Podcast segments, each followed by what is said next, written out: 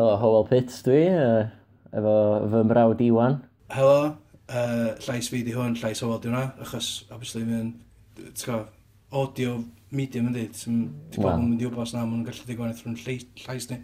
A efo ni heddiw, mae uh, gwestai arbennig ni, uh, Nicky Beach. Hi Nicky, ti'n iawn? Helo. A llais yna di Nicky. Ie, yeah, diolch. Ie, yeah, dwi'n efo'n gwrando ar podcast chi, a mae ma lleisiau chi'n wahanol. Iawn. Wel, yndi. Dyn nhw'n rili debyg iawn. Na, wel... Allwn ni'n rili cymysgu. Na, da ni pobl holl o wahanol hefyd. Um, er bod ni fan hyn, mam a dad, um, dwi'n byw yn Cynarfon, mho yn byw yn Colwyn... Colwyn be? Ie, yeah, Colwyn be. Bai Colwyn. Bai Colwyn. Mm-hmm. Ym Mai Colwyn. Ym Mai Colwyn. A ti'n gallu deud yn yr acen hefyd, dwi'n meddwl. Deviate a lot o pam oeddwn ni yn ifanc ac yn byw yn Llanberis. A dwi wedi cael bywyd lot mwy rough na chdi, dwi'n meddwl hefyd. Ti'n Do, do, dwi wedi bod, dwi wedi bod yn smocio fags, dwi wedi bod yn Fyw ar y yfad lots, dwi wedi bod... um, Pan bod chdi byw yn Bicolwyn, ta? Uh, gwaith, mae'n am fydd. Sam llawer yn mwy ddo, fo, na yna. Anyway, um, anyway, da ni yma... Anyway, da ni yma gyfal di. Nicky, ti di sgwennu llyfr, Cegin, sorry, o'n i'n mynd i treiglo. ti di sgwennu llyfr o'r enw, o'r enw Cegin. Ne, y Cegin, ond na, Cegin. Just Cegin. Just Cegin. Ond dillon ni'n llyfr, dwi'n cymryd, dwi'n cymryd bod o'n llyfr efo, efo reseitio. Reseitio, ie, yn y bon. A dwi'n i gyd y reseitio chdi eto, ti di... Um, Copy paste o. Google Translate. Do, dwi wedi copio lot o'n nhw. Um, lot o'n rhai o'n nhw. Rhai o'n nhw. Wel na, dipyn o'n nhw. Well, Just yn ffeindio reseitio a wedyn... Dyn nhw'n union y fath. Oedd y casgliad o'r reseitio. Casgliad o'r reseitio. Ti di ffeindio dros y blynyddoedd. A rhai dwi wedi creu hefyd. Ti roi spin bach dy hun ar nhw i gyd hefyd? Ta os ar ei fatha just handed down through the generations. Dwi'n meddwl bod yna un fel a. handed down through the internet, allan. BBC Good Food, Na, dwi'n meddwl bod na. Na, maen nhw'n bethau dwi wedi ffeindio trwy... Fatha, sbio beth gynnu fi yn y tŷ. A dwi'n meddwl, dwi angen... Beth dwi'n ei wneud efo hwn. Beth dwi'n ei wneud efo hwn. Ie, wel dim hynny, just... Dwi, dwi, Does am lot o bethau da ni'n beta o hyd ag o hyd ag o hyd. Dwi fel arfer wneud rhywbeth gwahanol bob tro achos... O, okay. Ychydig bach fel gwisgo'r un yn dillad mwy na gyd diwrnod. Mae'n ma, ma, ma braf gael, mae'n gael braf, mae'n braf gael... Variety, ie. Variety. Variety is the spice of life. Yndi. Waw, mae hwnna'n beautiful. Chdi nath oedd i fyny hwnna? Ie, ie. Waw, hwnna'n really da. Um, so, uh, Cos dwi, fath os dwi'n mynd i restaurants nhw fath, na i bob tro ar dro bath gwahanol. Um, yeah. Go, just, just achos, mae ma bwyd yn neis ni. Mae bwyd yn neis. A mae eisiau trio gymaint so hwnna fo posib. Chos mm. mae'n lot o bobl sydd ddim fel yna, does? Fytha pobl sydd yeah, so just yn, yn ofn trio pethau gwahanol. Bita hot dogs yn bob man mynd o fe bynnag. So, yeah. Ond o'n i arfer bod yn blentyn fel yna, just Weetabix oedd o i fi. O, oedd chdi'n effernol o picky pan oedd chdi'n ifanc. Yeah. Chdi ddim. Na, o'n i'n, o'n i'n bita bob dim. Fytha bin. Fytha, be bynnag oedd ar ôl ar plat fi oedd i fan o bita. Ie, ti'n gallu deud, oedd di ffysic fi beth di rili really recovero o'r dyddiau yna lle o'n i'n bita bob dim a oedd hwyl just yn bita ah, Weetabix. Yn sych, ta... A na, mm, god, dwi'n sy'n bita Weetabix yn sych. Mae'n bobl allan. Be nath wneud i chdi stopio bod fel A, dyn ba. Just tyfu fyny. Ie, just tyfu fyny, ie. Cys, dyn ba. Ti ofyn pethau pan ti'n fengach, pan ti'n mynd all beth nhw. Ie. A dyn fatha, ie. Mae nhw'n deud yn dweud bod, bod angen i rhieni dal mlaen i drio pethau efo plant. Ie, dyna, nath nhw'n dad efo fi, really. Constantly, tri tria hwn o, nhw'n licio fo, a wedyn ar ôl bob dydd, yr un peth, tria hwn, tria hwn, tria hwn, eventually, nes ti ceifio fewn, do? Do. Dwi'n gwybod sy'n gweithio bob plentyn chwaith, ond... A, um, i'n vegetarian, actually, am, am blwyddyn. Dwi'n meddwl nath yna helpu lot o newid bethau. Do. Cos oedd na hogan o'n ein ffansio ac oedd vegetarian, a nath i derio fi oedd yn vegetarian. O, fel na, nath o weithio. Ie, fel na. Achos oedd y timing bach yn weird oedd, achos nes i stopio fod y vegetarian ar yr un diwrnod yn ysdi fod vegetarian. Ie, oedd o'n Chydig o coincidence oedd yn deg. O'n i hefyd yn vegetarian am blwyddyn anna. Oedden ti'n penderfynu munud dwi stopio. Bang, dwi eisiau bod yn vegetarian o'n. Ie, mae'n Ond ella bod yna beth yn neud efo bod yn teenager a bod yn sort of rebelio. Um, yeah, so, di bwyd, di bwyd, di bod yn otha ffactor mowr o, o tyfu fyny um, yn, yn dy fwyd di, Nicky? Um, yndi, dwi'n meddwl, um, dwi wastad i licio coginio, licio bita um, o'n i'n helpu mam yn gegin lot. Doeddwn ni'n cael bwyd neis. Mae di o hyd yn tri awr y seitio gwahanol, ta? Wel, dwi'n cofio... Na, oedd pethau gwahanol, dwi'n meddwl. Oh, okay. Ond, os dwi'n cofio ni'n cael, oedd y cynnig syl. Ond, no, ie.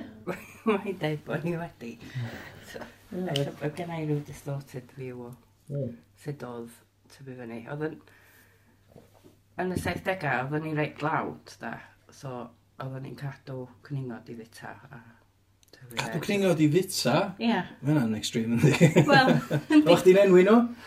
Um, Ella, bo fi ar y dechrau, bo ni. Ond... Oh, God. Na, wedyn, oedden nhw just yn... Oedden ni'n chwarae fo nhw, ond... Oedden nhw yn cwningod i, i fita, lle. Thumper stew. Ie. Yeah. Na.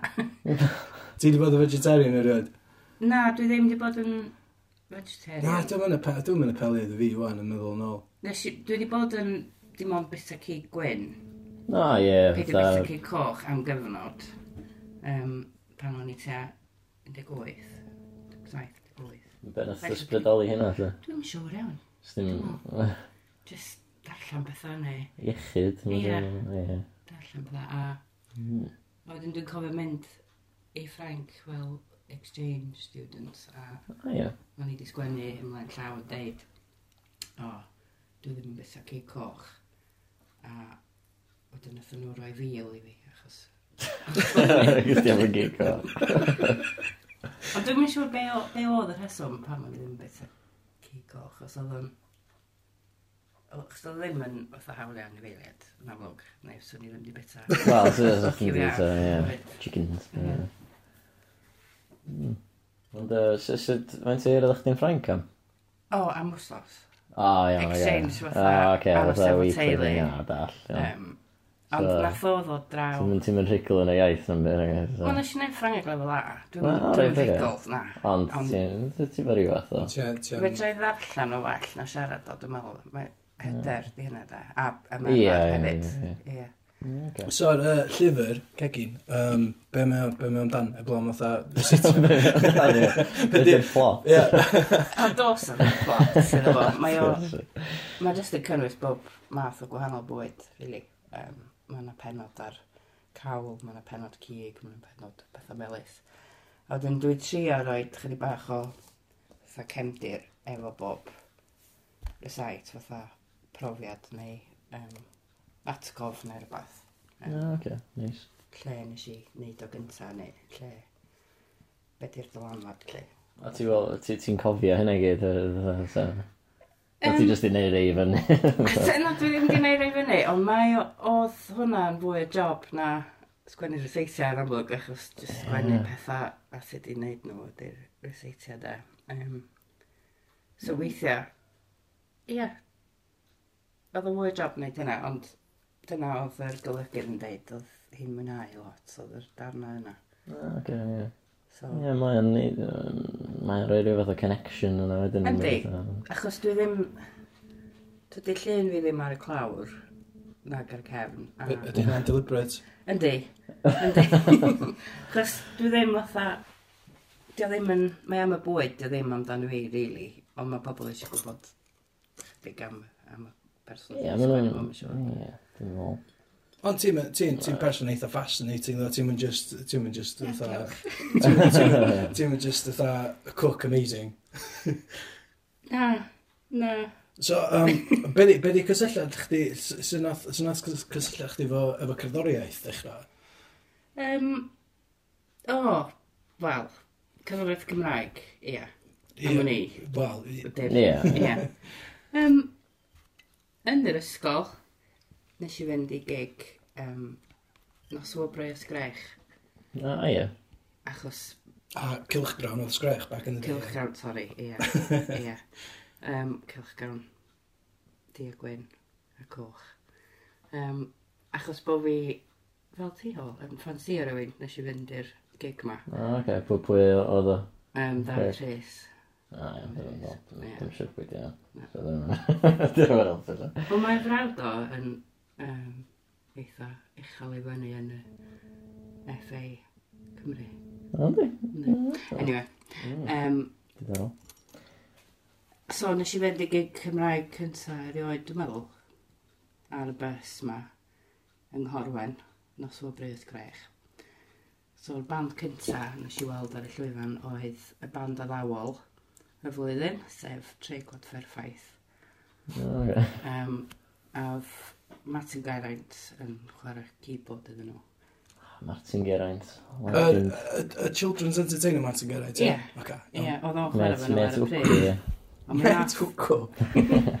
Mi nath o adael wedyn, uh, dim syth bim, ond nath o adael y band, achos oedd o'n cytuno efo, oedd gen nhw'n record o'r enw Bloody L, oedd o'n mycio bod yna regi yn efo. O ie? Wel na, mae'n dyn Cristnogol iawn on, mae'n... Mae'n dyn, mae'n siŵr, oedd o'r y peth, o'n i'n sgwennu eto oedd yma'n band yn enw ffenestri wedyn, dyn, dwi'n meddwl, fatha fan ydw i da, tyd, really. Stalker. um, ac oedd ffenestri, fatha deiawd synths. Um, yeah, okay. Ac o'n i'n sgwennu atyn nhw fel, tyd, merch 16 oed, lle, oedd fan. O, reit. Sgwennu llythyrau, dwi'n ysgrifennu. Sgwennu dwi'n llythyrau. negesu yn Facebook a falle. Wad, ia. Jyst llythyrau, oedd e gyd oedd e gynnu. Ie, Ie. cyfa dde. O'n i'n gwrando ar, mae gynnu fi rola, cais, ar cadwrau at y raglen bore di sadwn, fatha mae tydur rwan. O, ie. Ond um, cadwrau at oedd enw fo dy gynnu, a ond pobl yn rhaid ceisiadau am gynneuon a weithiau oedden nhw'n llythyrau hir iawn yn enwi pawb oeddech chi'n abod yn Gymru. Oedd o dweud, dwi'n eisiau dweud e lawr. Dwi wedi cadw un rola ar tap. Dwi'n gwell mae o, ond um, fatha mae'n enwi miloedd miloedd pobl.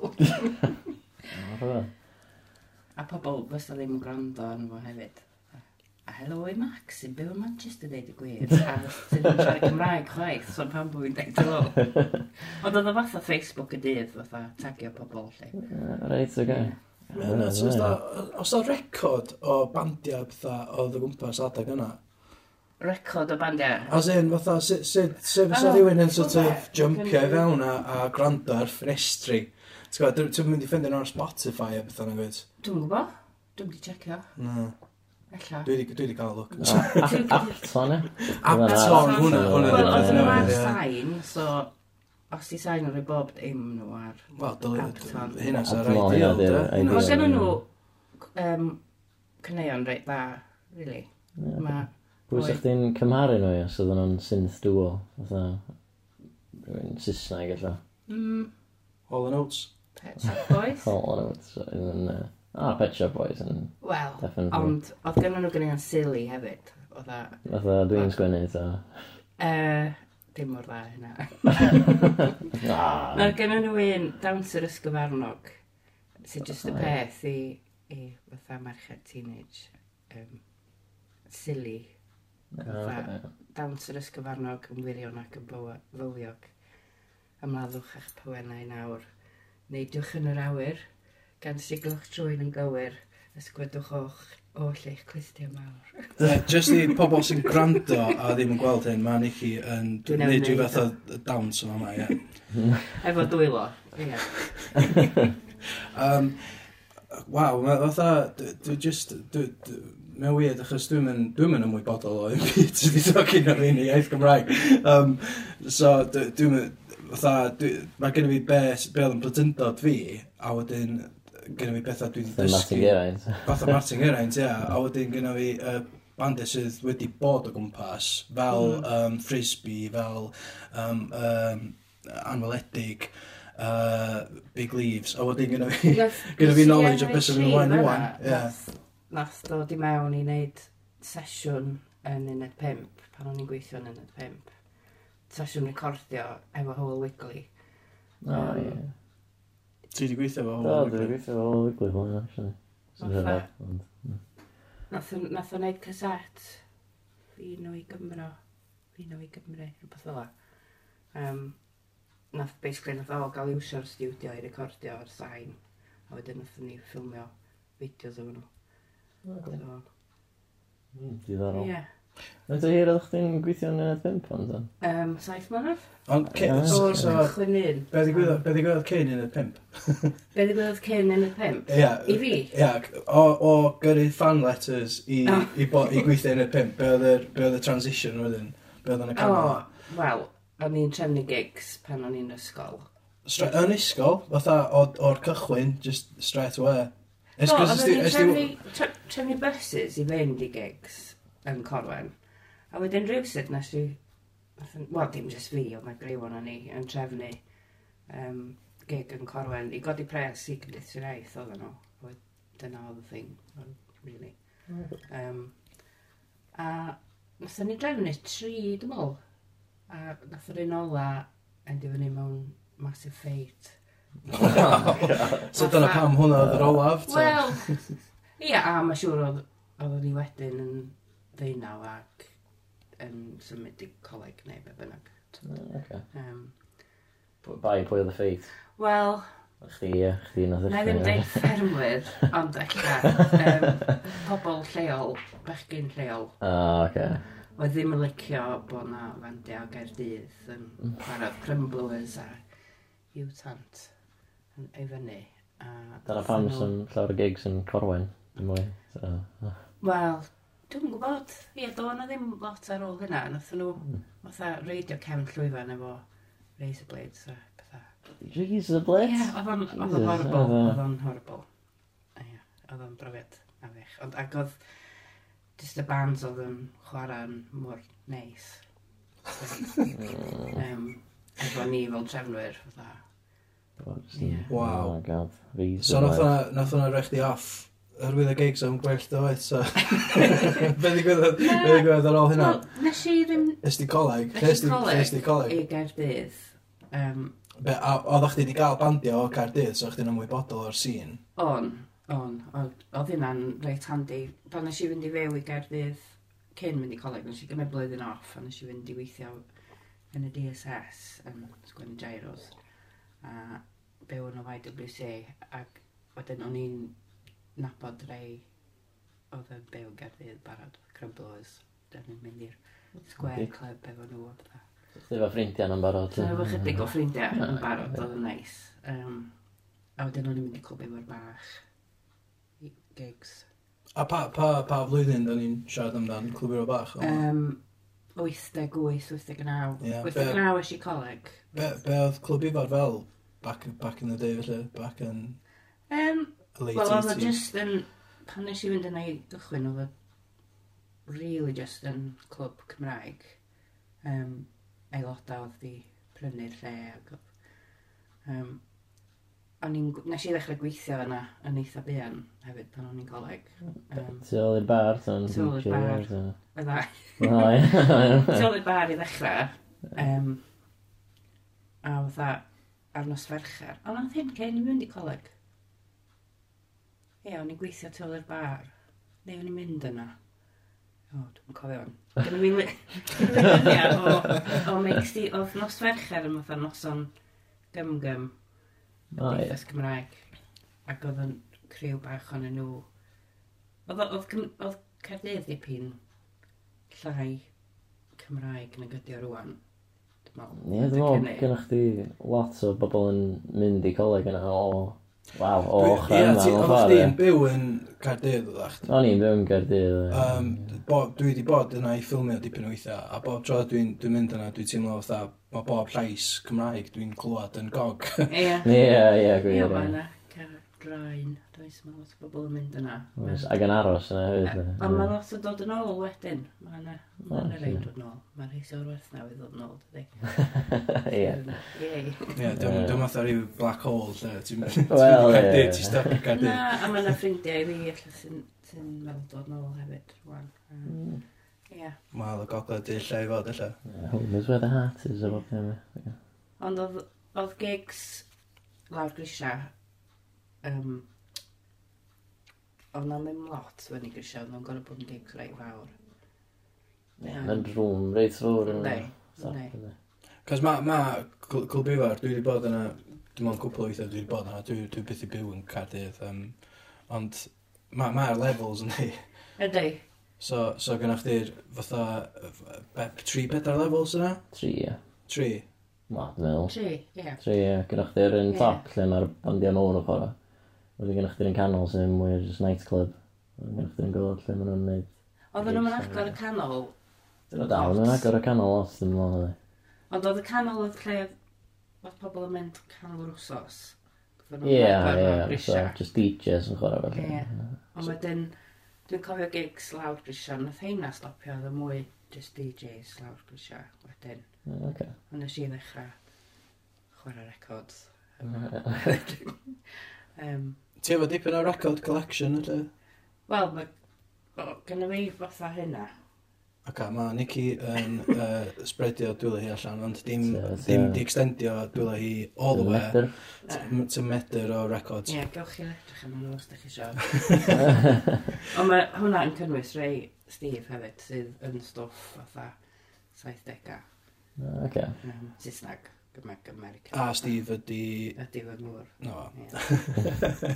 Just context i pobl sydd yn, yeah. sydd yn gwrando. Um, a wedyn, uh, so DJ o clwbio bach, um, coleg, uh, be, be ddigwyddo wedyn, nes ti ddod yn ôl i'r gogledd? Straight, straight na, o'r coleg? Na, Be, be nes ti astudio'n coleg? Y gyfraith, nes i. Ah, oce. Ie. Diddorol. Wel. Na. um, a nath, nath studio fo roi chdi off um, y cyfraith wedyn, oedd oedd oedd chdi eisiau mynd, dal eisiau mynd i mewn i hynna. Na, o'n i... O'n i dyn... O'n i'n neud o fatha... Dewis pwnc, o'n i'n gwybod be o'n i'n mynd i neud, ond lefel A wedi... Lefel O wedi dod yn hawdd a lefel A yn reit hawdd. So, o'n i'n meddwl dylai fi ddewis pwnc, lle os nad o'n i'n gweithio, o'n i'n mynd i fethu. Dyna oedd y Oce. Picking ti oedd efo. Neu sens, as well, ie. Ond, o'n i'n gwybod yn y flwyddyn gyntaf, o, dwi'n mynd i gael ymlaen efo'r gyfraith. Ac o'na boint lle ella dylai wedi newid i wneud rhywbeth. O, oce. Okay. So ni wedi mwynhau fwy ella, fatha Saesneg. Oeddech chi ddim yn mwynhau'r gyfraith o gwbl, te? Wel, oedd o'n iawn. Ond... Ond... Not for you. Na, o'n i'n gwybod bod ddim yn mynd i fynd ymlaen i fod yn gyfreithiwr. O, oce. Digon teg neu yn barrister neu be bynnag. So, fe yna'n broblem efo fatha yr system fatha addysg, bod chdi'n gorau wneud y penderfyniad na mor ifanc? Yndi, wel, ti'n mynd gorfod, ond ti yn, ma na bwysau does. Oes. Dwi'n cofio cael rhyw fatha meltdown, mini meltdown bach yn ystod lefel A, ac yn fatha, Ie, dwi'n gofio gael hynny hefyd. Ond ie, mae'n mynd yn ôl pan ti'n isgol, ti'n ti dewis subjects ty gau neu beth bythnog. Baet oed wyt ti pan ti dewis, yna? Ie, ti'n ifanc. A wedyn, os... A mae lot o'r penderfyniadau, yna, a weithiau ti'n mynd i ddweud brennan ffeidio chdi. Ond mae hefyd i gael knock-on effect, yndi? Efallai bod chdi'n dewis, fatha... Fatha, rhaid i fi ddewis rhwng um, computers a art. O'n i'n gorau dewis... O'n i'n gorau... O'n i'n gorau dewis rhwng celf a, ac uh, cerdd celf. O'n i'n actually gyda Davies rhwng y ddau yna. O'n i eisiau neud y ddau yna. Ie, so fatha, ti'n dwi'n...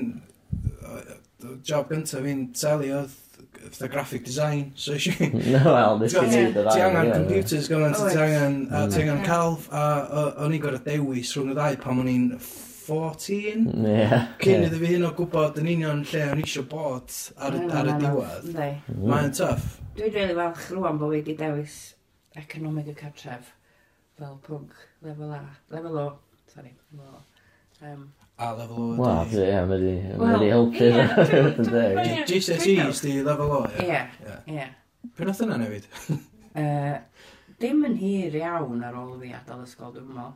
Ie, cos um, ma, fatha, dwi'n dwi, dwi darllen y hyn bod nhw'n mynd i gael sôn, ond fatha, so, bod nhw'n sôn am newid nhw eto, a bod pethau mynd i fod mwy practical, a bod chdi gael NVQs a mm. GNVQs a pethau pan ti'n pan ti yn 14, 15, 16. Mae'n teimlo fatha bod system addysg angen. Mae angen up evil yn dweud, mae'n shambles. Wel.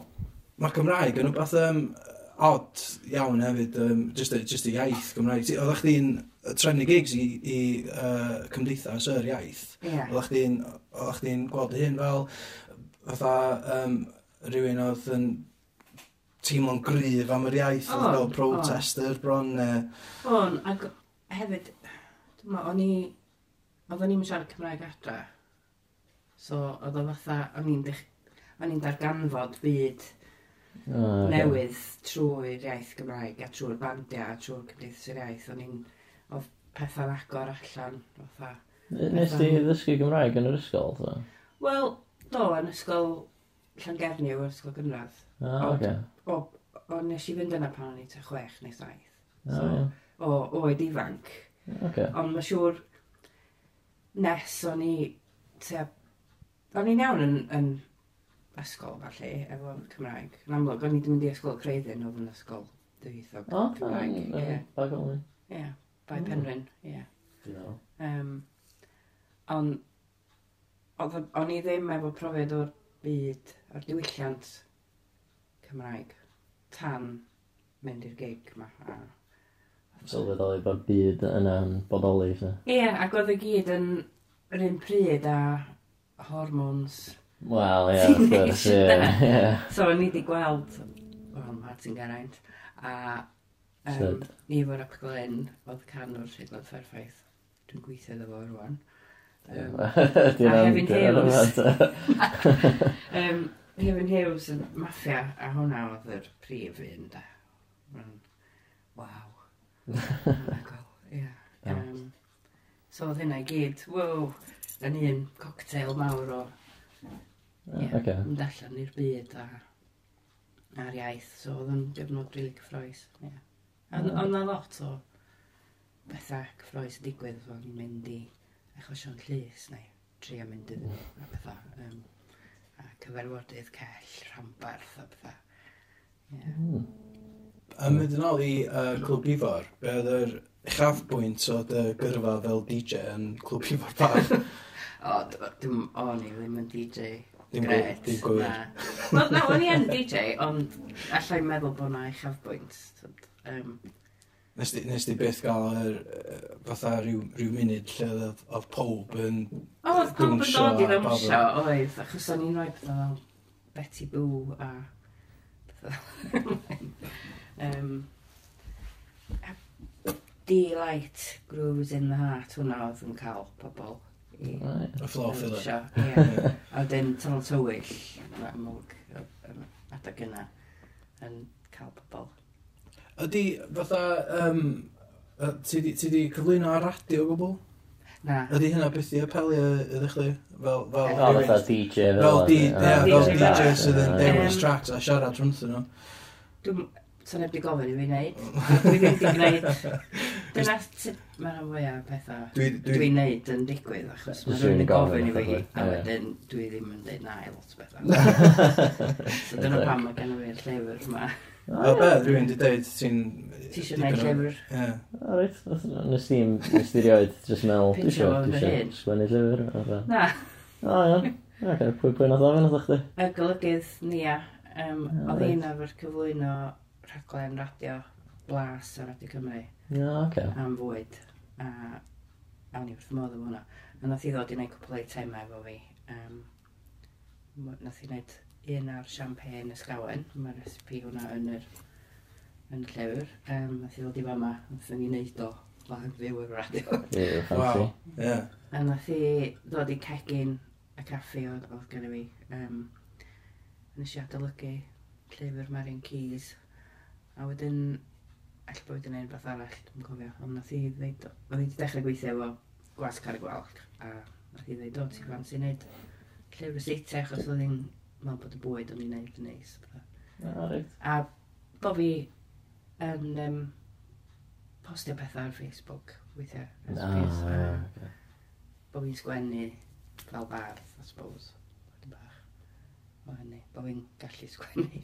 Wel, ia, mae'n helpu, of course.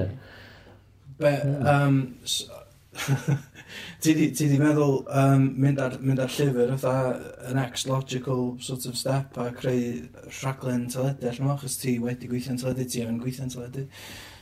Eto, mae hwnna'n rhywbeth. So, hwnna... Di rhywun arall. Chos dwi'n mynd... Ie, dwi'n mynd eisiau pwysio fy hun, achos dwi'n gwybod os yw pobl eisiau fi. so, ah. yn iawn os di rhywun arall yn gofyn. Mae yna ffrind i mi. Dwi'n meddwl bod yna raglen o fanna rwla. Sa'ch ddim yn dweud na. Swn i'n dweud na, swn i... Ell, wel, ti'n gwybod, dwi'n dibynnu ar y gynnu. Ond swn i'n poeni, beth o bobl yn meddwl o, dwi'n poeni fo hwn, fatha, ah, pam bod hi'n neud llyfr coginio? Os rhywun wedi gofyn yna? Na. Os rhywun wedi dweud, pam bod chdi'n hyn? Na.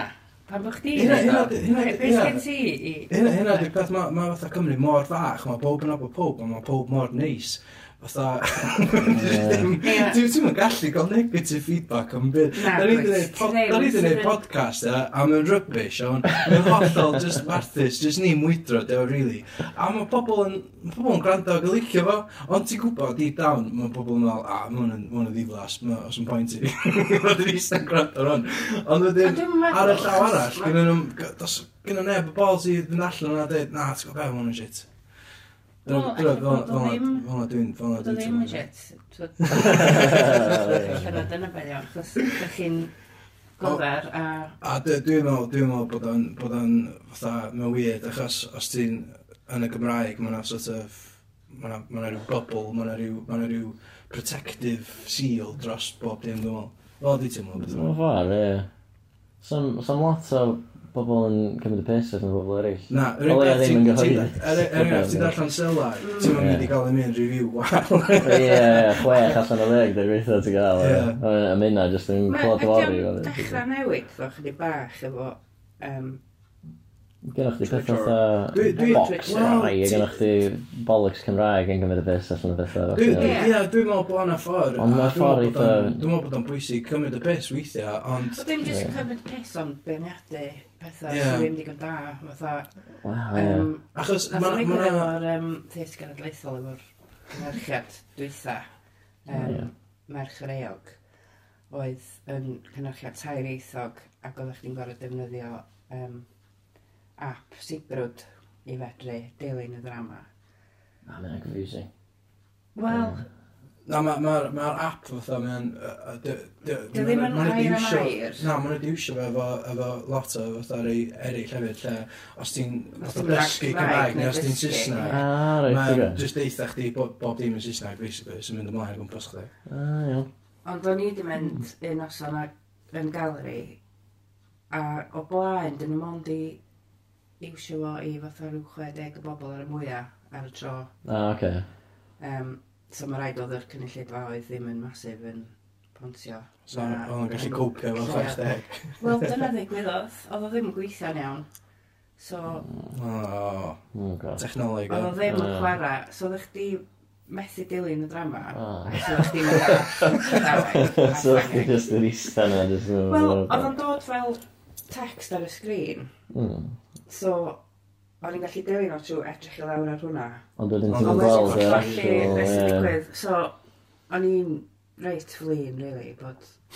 Metha gotcha ffilm efo subtitles yma, fatha ffilm Ie, a bod y subtitles yn switch off. Ond ie, neu bod y subtitles fatha ar Sir Alun, neu ar teledu arall. Ie, ynddi, mae'n sa bod chdi'n gwylio subtitles ar iPad ac yn gwneud sbio fyny ar y ffilm. Ah, sy'n hynna'n disaster, ie. Ond Oedden nhw ddim di, felly, oedden nhw'n di testio fo ddigon. So, oedd gael i fi llawn, so oedd 300 o bobl, ond oedd y ddim methu cwpio efo hynna.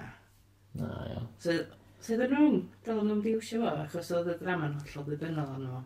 Ond gath o, gath pobl eraill fatha ddim gymaint o broblem efo, ond oedd, oedd yn cael ei ferniadu. O do, bydd yna, okay, bydd yna'n technical hitch yn dweud. Dydy hynna ddim yn mynd i roi pobl off trio experimentio efo beth debyg fatha Ie, hynna di'r problem efo fatha pan ti... Ie, cys pan ti mewn lle mor fach a Cymru, uh, cyn lle'r y bobl sy'n actually siarad Cymraeg yeah, mae rhywun yn gael... Mae rhywun yn Mae'r gael... pobol sy'n gael ei beirniadu, mae pobl yn gweld rhywun gael ei beirniadu, mae'n meddwl, o'n i'n meddwl bod yna, oce, ond os, os di o ddim, ella ddylai fi ddim wneud rhywbeth debyg. Um, right, anyway, yeah, back on track, so... Sitcoms, ie. Yeah. Mae ma dramau mwy boblogaidd am di. Nath o ddechrau rili efo y gwyll. Nath sort of... Ti'n meddwl? Wel, hwnna, nath gael y bel yn rwlio'n fastach, anyway. Alla hwnna, di'r un sydd wedi cael y mwyaf o sylw tu allan i, i Cymru. Ie, yeah, dwi'n meddwl bod pobl wedi gweld hynna, dwi'n meddwl, fatha... Cos ma... Wel, mae hynna'n fformio llwyddiannus, up y gêm nhw, Efo wedyn gynnwch chi pethau fatha parch yn dod allan. Oedd parch yn dda, nes i fyna, 35 diwrnod hefyd. Yeah. Ac y fi yn ar S4C, uh, rhaglen Nicky Beach, cegin. um, lle fydde di yn... Uh, Wel, sydd yn mynd i gael stories chdi fan? Gwestai, gwestai, ie, ie, stories i fynd o'r esita, gwestai da. So, so ti'n... Ti'n at dinner party, ie? Yeah? Fath o Nicky's dinner party. Mm. Nes i un tro, un o'i pitio, neu meddwl am pitio, i golwg, ond mae, mae o mewn rhyw Sunday Magazine rwan, dda, ti'n cael cinio efo rwy'n, so ti'n neud cyfweled, ti'n cael sgwrs efo rwy'n. Ffordd yna, ti'n gallu torri fo fyny mewn i segments, ti'n cael dy gwesta efo, ti'n cael, ti'n neud starter, dangos sydyn, ystod lawr o dyn trafod o beth. Ti'n gwrdd yn neud fformat allan o'n nhw uh, combining the herb yeah, competition. Starter, starter, starter, and now for the main, and now for the dessert. O, oh, dyna lle ar y diwedd, bod pob jyst yn gael fatha rhyw aperitif fach a rhyw jam. O, mwy na gyn person lle, dim jyst fi. O, dwi'n meddwl chdi uh, dau neu dri person, dwi'n mm. meddwl, from, from, from the past, ne, un o'r enw yma ti. Un o'r hynna, un o'r fatha, mae beth mwy yn neud ar rhaglen fo. Um, yeah, just... Cael pobl o'r gorffennol. Ie. Yeah. So yn gallu gweithio. O, dyna ar, No. ar diwedd pawb yn cael jam bach efo'i gilydd, cos m- bydden nhw'n amlwg yn wbeth yn efo ce- cerddoriaeth, bydd. A beth? Wel, ne, gael sgwrs. Bod yn beirdd hefyd. Ia, ia. Pobl sy'n neud yn diddorol. Ie, a wedyn maen nhw'n gael rhyw slam down bach atha uh, slam jam uh, uh, be mae beirdd yn neud, atha poem off. Dyna'r thing. Pobl yn laugh. Atha 8 mile. Waw, di. Eight man yn Wel, dwi'n meddwl mae um, yna. gyfres newydd Beca yn mwy o fatha super thing. Parti super di enw, dwi'n meddwl, neu'n beth oedd. Mm. So mae wedi Gawn ni dod- weld. mae wedi dod yn syniad chdi oes? Neu'n syniad Yn barod. bach newydd gael. Damn it. Anyway. Ia. Dwi'n medru. So... Anyway. Um, so, ar ôl, ar ôl uh, clybio bach. Um, be di gwybod? Ysdi? Ma, ar ôl coleg. Ar ôl coleg. O'n i yn coleg, ac o'n i'n clybio bach. Ac wedyn... Nes ti gyfarfod i fo'r bach? Di o'n person gwir? Na, mae o'n... Rhyw gawr, neu rhywbeth, ydy, cawr. Cawr? Ie, fath ironic. O, iawn, o'r gair. I fod bach. Mae o yn... O, mae person gwir. Gwr mytholegol, mae o. O, fath o Little Chef. O, sam, ti'n mynd i mewn at Little Chef gwir. Can I meet the Little Chef? I need to see the Little Chef. I need to see the Burger King. Where is your highness? Na, um, so... Mae uh, hwnna mewn rhyw ffilm, dyddi at ydy dod. Lle mae'n ma joc am i le bach yn o, mynd i clwb bach, Twin Town? Twin Town. Ie, dyna'n ffilm. Dyna'r un dŵad. Twin Town. Ie. Ffilm arall di hwnna. O, oce, iawn. O, iawn. Beth yna'r ffilm? Dydi after dyn dŵad. O, dwi'n actual ffilm yndi? Yndi. Oce. Un dŵad. Dyn dŵad ydi... Man, the cum man. Dyna ni, ie? Dyn dŵad ydi... The cum man. Stranger stranger. Diffyn person sydd wedi symud i rola. O, oh, mae'n actual okay. term. Yndi, di, dwi'n dweud. Tro gyntaf i'n glod o. O, llyfr o'n o'i gychwyn. O, oce, o. Llyfr, ie. Ti'n un am llyfrau? Ynddo, dwi'n darllen dipyn. Wel, dwi'n trio. Dwi'n dwi prynu llyfrau, a wedyn dwi'n gorau mynd am wyliau i ddarllen. Dwi'n prynu dau noed. Dwi'n prynu hen noed. Llyfrgell gyrraedd. Mae Nicky wedi tynnu dau lyfr allan. Sef Jogar Seld gan Lleica Roberts a Carol Lewis y Gwreiddyn. Mm. A Mae'n edrych, mae'n edrych eitha manageable, achos oedd pan dwi'n dychmygu... Llyfr straeon dyn nhw. Ie, pan... A straeon fatha straeon byr? Ie. So mae'n hyd yn oed... O, mae'n ideal. Dwi jyst yn poeni efo llyfrau um, o pam o'n i'n neud studio lefel A Cymraeg a nath nhw dropio'r map i Nokia ar hynny. Lle gynnwch chi fatha J's a K's a right. pethau'n just gael eu taflu di fewn yna, mae'r just yr er iaith yn hollol mind-blowing mewn. Dwi rioed di wneud hynna, achos nes i'n wneud Cymraeg lefel A, so dwi rioed di studio Cymraeg. Um, Na, dwi'n... Mae'n rhywbeth sy'n... Ie, yeah, sy'n licio. Ie? Yeah? Wel, sy'n licio mynd yn ôl i coleg, so nice wneud college days. Rhywbeth. A wedyn be, full-time hyrwyddwr hefyd, fatha, cos ti, ti yn, ti'n just efo dy 4 a chwech, um, ti efo dy, dy gwyliau. Gwyliau. a dim yr eich lle ti'n mynd ar i ddarllen llyfrau. Na. um, gwyl arall ers, ia, hon oedd yr wythfed, tro ma. Ar, ar mwyaf. Event mowr yn fi. Ar mwyaf? Dwi'n ma, dwi'n mo. Na, ti wedi bod ar big scale? O, oh, wel, mae gwyl arall wedi bod yn fwy. Mae o'n reit organic o ran gwyl. Diolch yn tri a mynd yn fwy ac yn llai. Mae o'n just yn... Be bynnag mae'n troi allan i fod. Mae'n awel breathing lot yn digwydd yna oes, ytha, yn Ganarfon ar, ar weekend gwyl arall. Oes, oes. Da ni... Nathon ni un flwyddyn, oedd na 85 o gwahanol digwyddiadau yn digwydd. Just dros fatha dau, wel, nos Wener Ys di bob yn sadwrn? Na, na, mae hynna, fatha, yr un beth dwi ddim yn licio am yr wyl ydy bod yn trefnu pethau. Ti methu mynd i bob ddim hyd yn oed bethau ti'n bersonol wedi trefnu. bwcio trefnu. So ti methu mynd i bob dim. Sut ti'n penderfynu be i fynd i, to? um,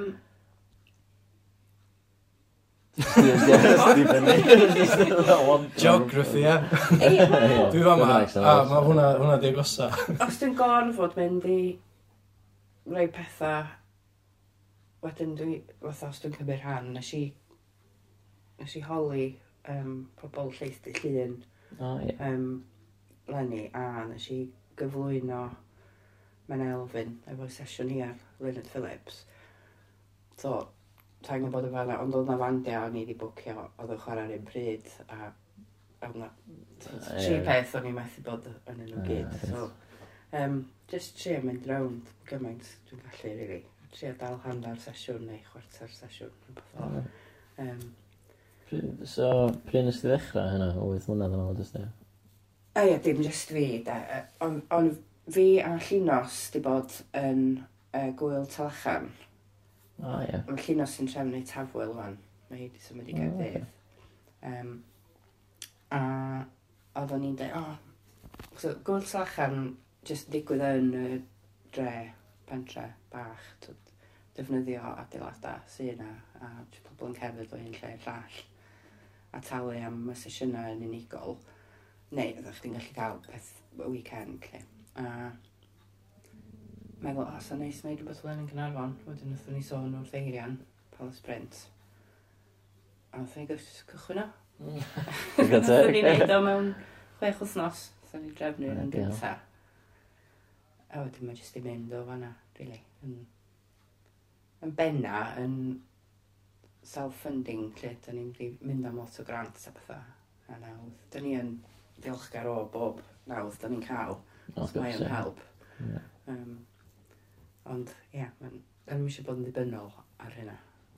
Y- y- Fatha, wyt ti yy, wedyn yn, ne, pa- pan, pan ti a um, yr trefnydd, trefnwyr eraill, yn, Mm. mm. da chi'n dod at eich gilydd ag ar ryw committee meeting a penderfynu beth da chi eisiau gweld yn yr yn Yndan. rwyl? Da ni'n neud hynna o fatha dau fus yn ôl. um, a mae o'n just, da ni'n cyfarfod bob mis A wedyn pan mae'n dod yn agosach at yr amser, da ni'n cyfarfod bob pethefnos, a wedyn bob mm. wythnos a dda, pan da ni'n gweld yr angen, really. Pawb yn dod at gilydd a trafod syniadau, a mae'n just, mae'n iawn, gred, gofyn iddyn nhw, ta. Dyna sy'n ma'n gweithio. a wedyn, da ni'n gweld, o, mae gennym ni rhyw fath o raglen yn dod at y gilydd, a ydyn ni angen rhywbeth gwahanol fan hyn.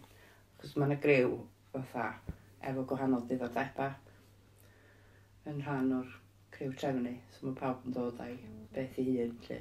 Sgam natur neu comedi neu music neu... A wedyn... Neu be bynnag. Wedyn, be di, be di cysylltu chdi efo y 46? Um, nes i ddechrau 46 efo Iwer Ap Glyn a Eirian a Gwyneth Glyn nôl yn 2002 neu rhywbeth.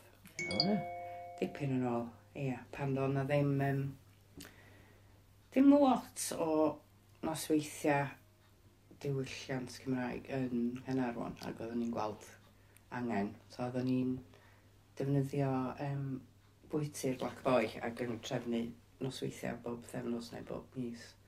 Yn y Black Boy, lle? Ia, yn y restaurant yn y geia, pan oedd hi'n dawel. Oedd hi'n... Di ddim fel na rwan. Dyna lle nath yr enw ddod o hefyd? Ia, stafell 46 o stryd 46.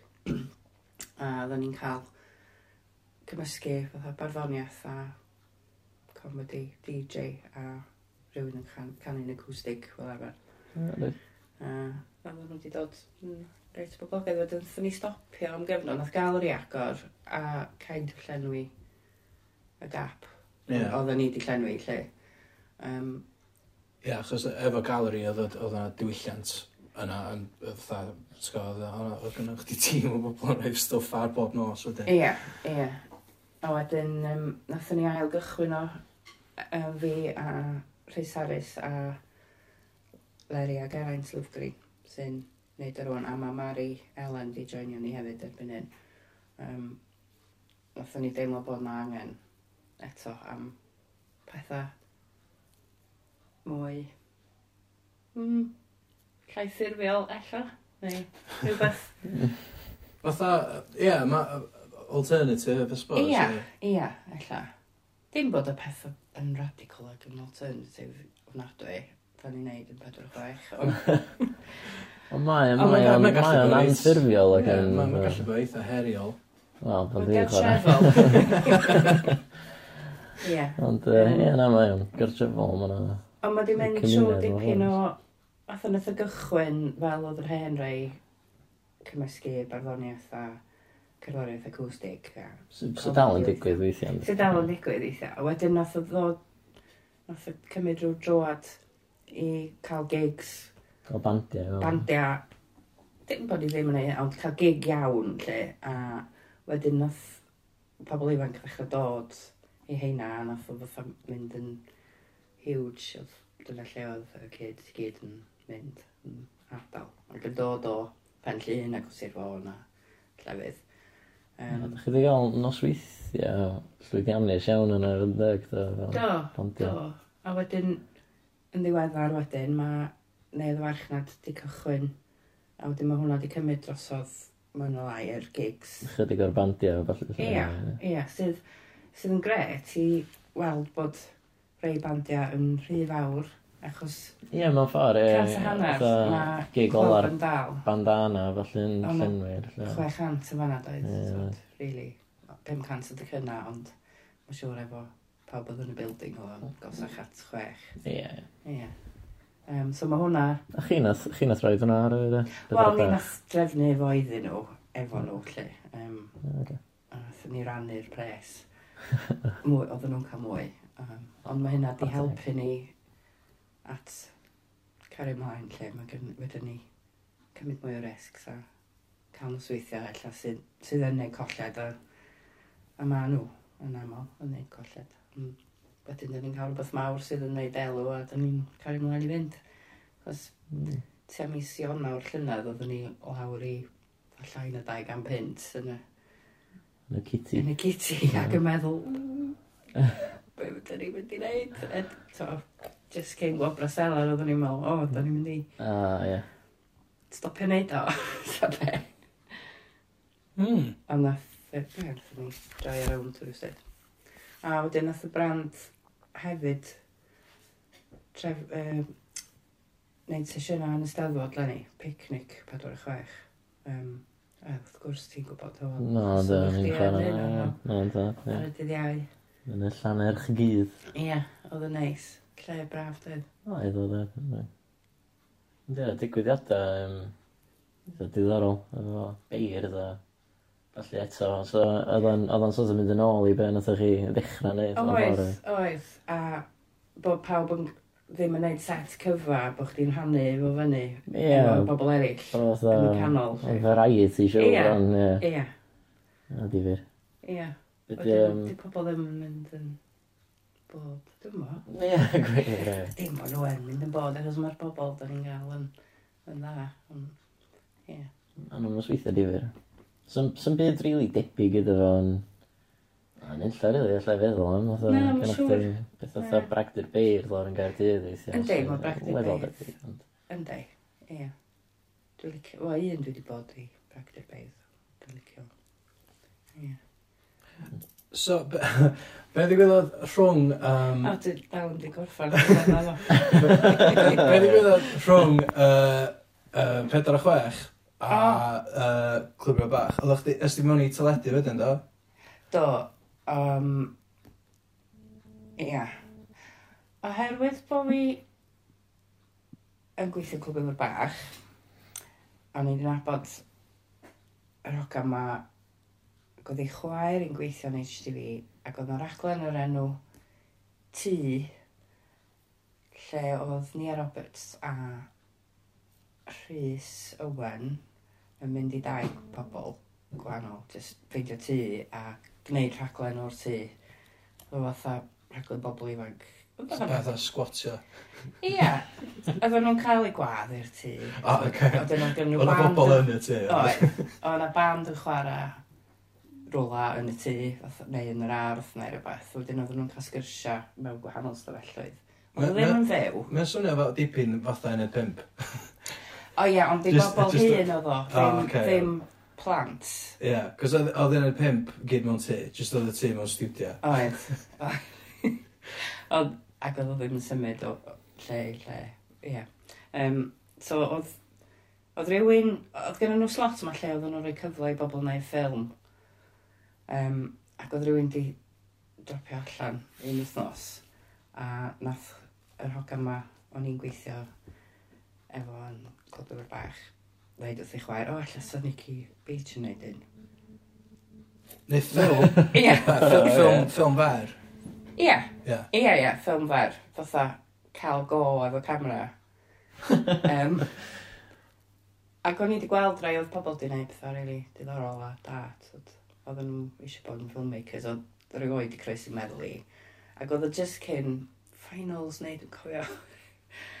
um, a dylwn ni fod wedi bod yn adolygu, ond un diwrnod oedd o. Ni'n cael camera am diwrnod a nes i just wneud random pethau.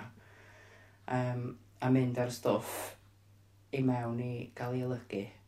A hwnna o, nes i rili'n really mwynhau, oedd gweld beth golygydd yn wneud. A Ie. So be wedyn, oedd- ydi o fatha rhyw fairy tale, sort of wedyn, dydy o fatha, oedden nhw'n meddwl bod gwaith chdi mor Na. awesome, bo fatha, ti'n gwybod, nes ti gyrra BAFTA, a wedyn, Na, na, be ddigwydd gweld wedyn. Hugh Chiswell oedd yr cyfrwyddwr ar aglen.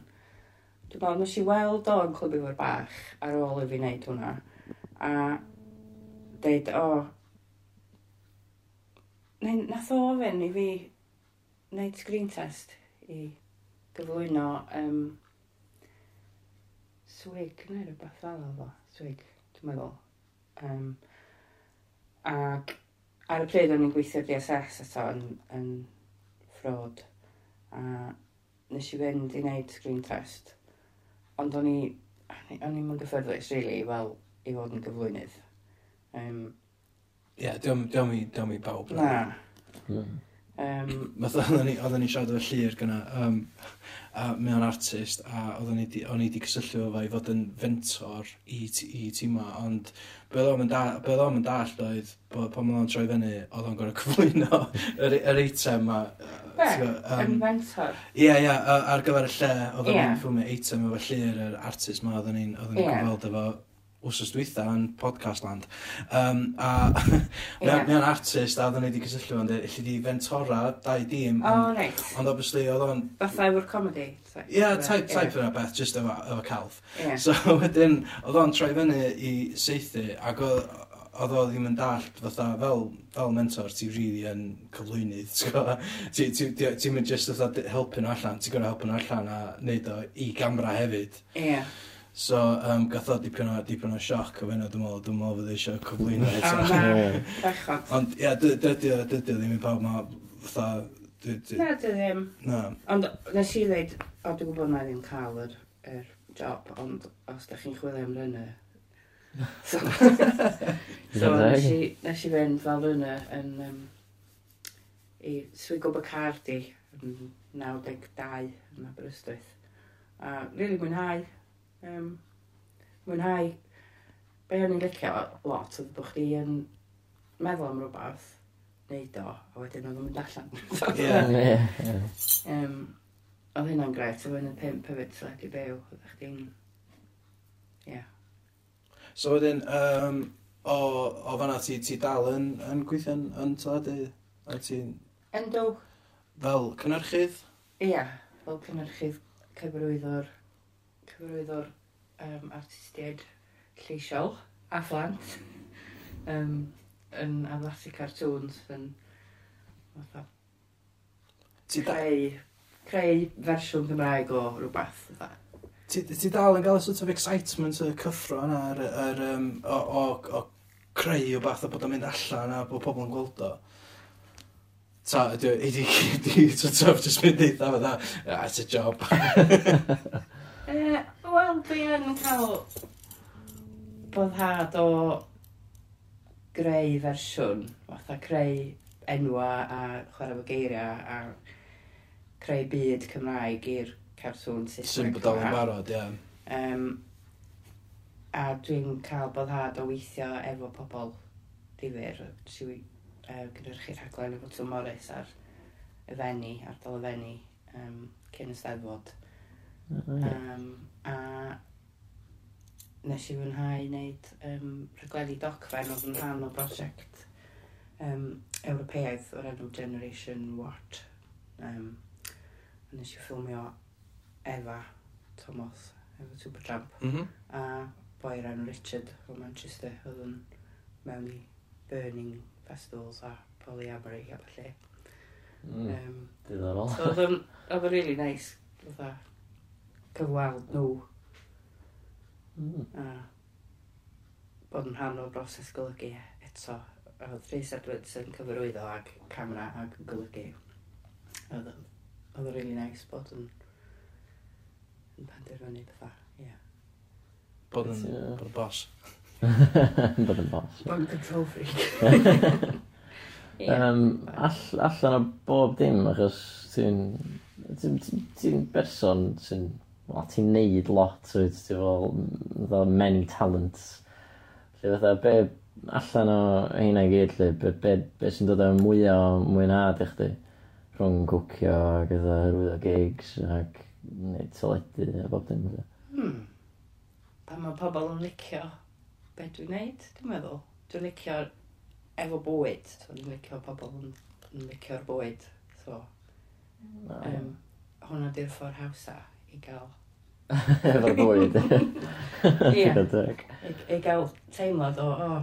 Wel, ie, ond mae'n siŵr hwnna, dy'r un sy'n ti gael mwyaf instant Yndi. satisfaction allan o, achos ti'n gweld, ti'n ti neud y bwyd, ti'n rhoi da straight ydyn nhw, mae'n bito don, tra mae don boeth. Yndi, ie. Di'r llyfr ddim wedi bod fel y gwbl, achos mae wedi cymryd gymaint o amser, wedyn rwan mae o allan yna. Hmm. Mae pobl wedi bod yn canmol a mae'n rili really neis bod nhw, ond mae o'n teimlo fel rhywbeth. Mae'n tu i'r nath o gymryd chdi well, sgwynio? Rhyw dair mlynedd oedd y broses i gyd. Okay. O'r cychwyn i, iddo fod o allan. Ond So 2019 fydd y sequel. Wel, di, di hynna ddim i ddeud, os oes a sequel, fysa, um, allan fysa bod gynt tro nesa, achos bod fi'n yeah, gwybod beth dwi'n neud. Ie, barod, ie. Chos mae di newid dipyn o be oedd o'n mynd i fod, o'n i'n... O'n isio artistiaid, mae artistiaid di wneud gwahanol bethau yn efo hefyd. Um, okay. Ac o'n i di ymchwilio di arhebion i wneud efo bwyd hen di arhebion ac o'n i eisiau cael gwahanol artistiaid i dylunio heina lle fatha stwff ti'n gweld, twyd, ond just i wneud efo bwyd, lle. Um, okay. Ond oedd y budget ddim yna i wneud hynna, really. Um, so nath hwnna fynd. Achos alla fysa fod i bod yn lyfr. Ac, ac oedd na erthigla i fod yn o'n eitema. tema. Erthigla. Nathon ni fynd ar un um, shoot efo Cynan Jones ei Hel Madarch. No, okay. Fy ni fynd am dro hel madarch, a wedyn nath i olo ddod a dogfennu fo efo lluniau. So, no, dwi'n ffotograffydd. Nath, um, yeah, nath dynnu lluniau, lluniau i gyd. Heb lawr clawr, uh, Iestyn y dylunydd nath wneud y clawr. Um, so mae hwnna, mae'r syniadau dal yna da am fynd at gynhyrchwyr bwyd neu at y pobl sydd yn gwneud pethau efo bwyd. Mewn ffordd mae yna ysblygiaeth naturiol iddo fo yn y dyfodol os ti'n... Dwi ddim defnyddio, ie. Ie, os ti'n penderfynu mynd lawr y lôn yna. A galla raglen teli. A galla raglen teli. Galla raglen teli, posib. Swn eitha difyr. Oedd yn allan a pick mushrooms. Ie, mae pobl di wneud o, dyna'r unig beth efo Cymru da. Twyd, Mae'n siŵr bod Elin Fflir a Gareth Pennant di bod yn pick a mushrooms efo cynnan. Dwi'n meddwl, fatha... Um, ie, wel, Ie, yeah, bob dim, bob dim di gael neud o. Do, do. So, beth be ti'n gallu neud e? Just rhoi, yeah. Mm. just rhoi personolaeth a stamp dy hun ar bob dim. Ie, yeah, mae'n siŵr, ie. Um, so, cegin, uh, mae na, ma gwyl fwyd yn, um, yn Cynarfon efo, ti'n ti neud rhywbeth o'n nhw? Um, yn dod fi di'r cadeirydd yn pwyllgor. A ti'n brysur i. Ti'n lot o hwnnw. Ydw i yn brysur. So ydy proses yna'n debyg i gwyl arall? Just o bwyd? Ta, fel yna dwi'n sort of dychmygu. Ydy, ond mae o'n fwy ffurfiol. Mae o'n well o ran trefn, dwi'n meddwl. Mae yna fwy ohono ni, um, a da ni disbysu fyny'n grwpiau cynnwys a marchnata a technegol. Mm, okay. A lot mawr. Yna organisation. Trysorydd a, ia. Mynd am ceisiadau am arian a falle. Dim just fel, fatha, hanner dwysyn o bobl mewn rhwm yn dweud, a cysyllta fy nhw, cysyllta fy nhw. Mae hynna'n digwydd hefyd.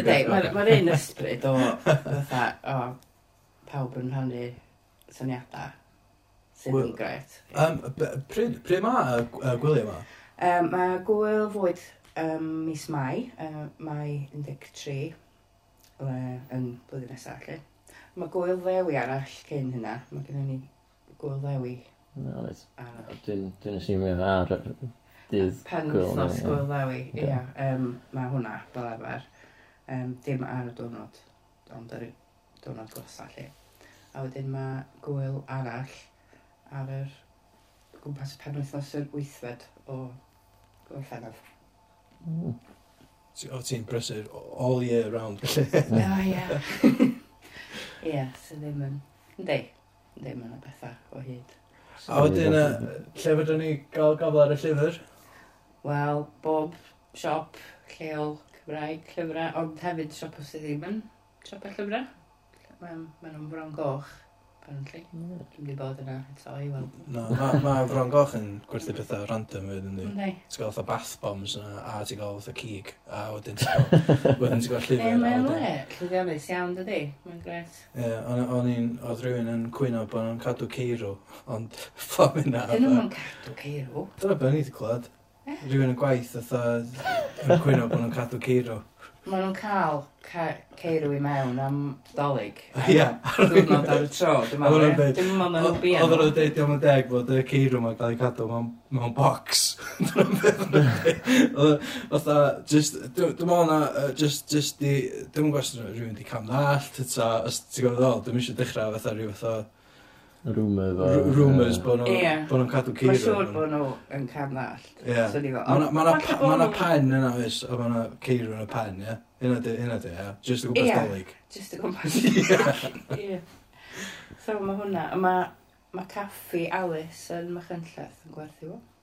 Ac wrth gwrs mae ar gael ar-lein, te. Ar, dwi'n gwybod bod ar gwefan Gwales. Dwi'n gwybod bod o ar gael o Palace Print achos mae yna bobl wedi prynu a wedi gofyn na i arwyddo iddyn nhw, lle. Ti'n charge hwnna? Na, na.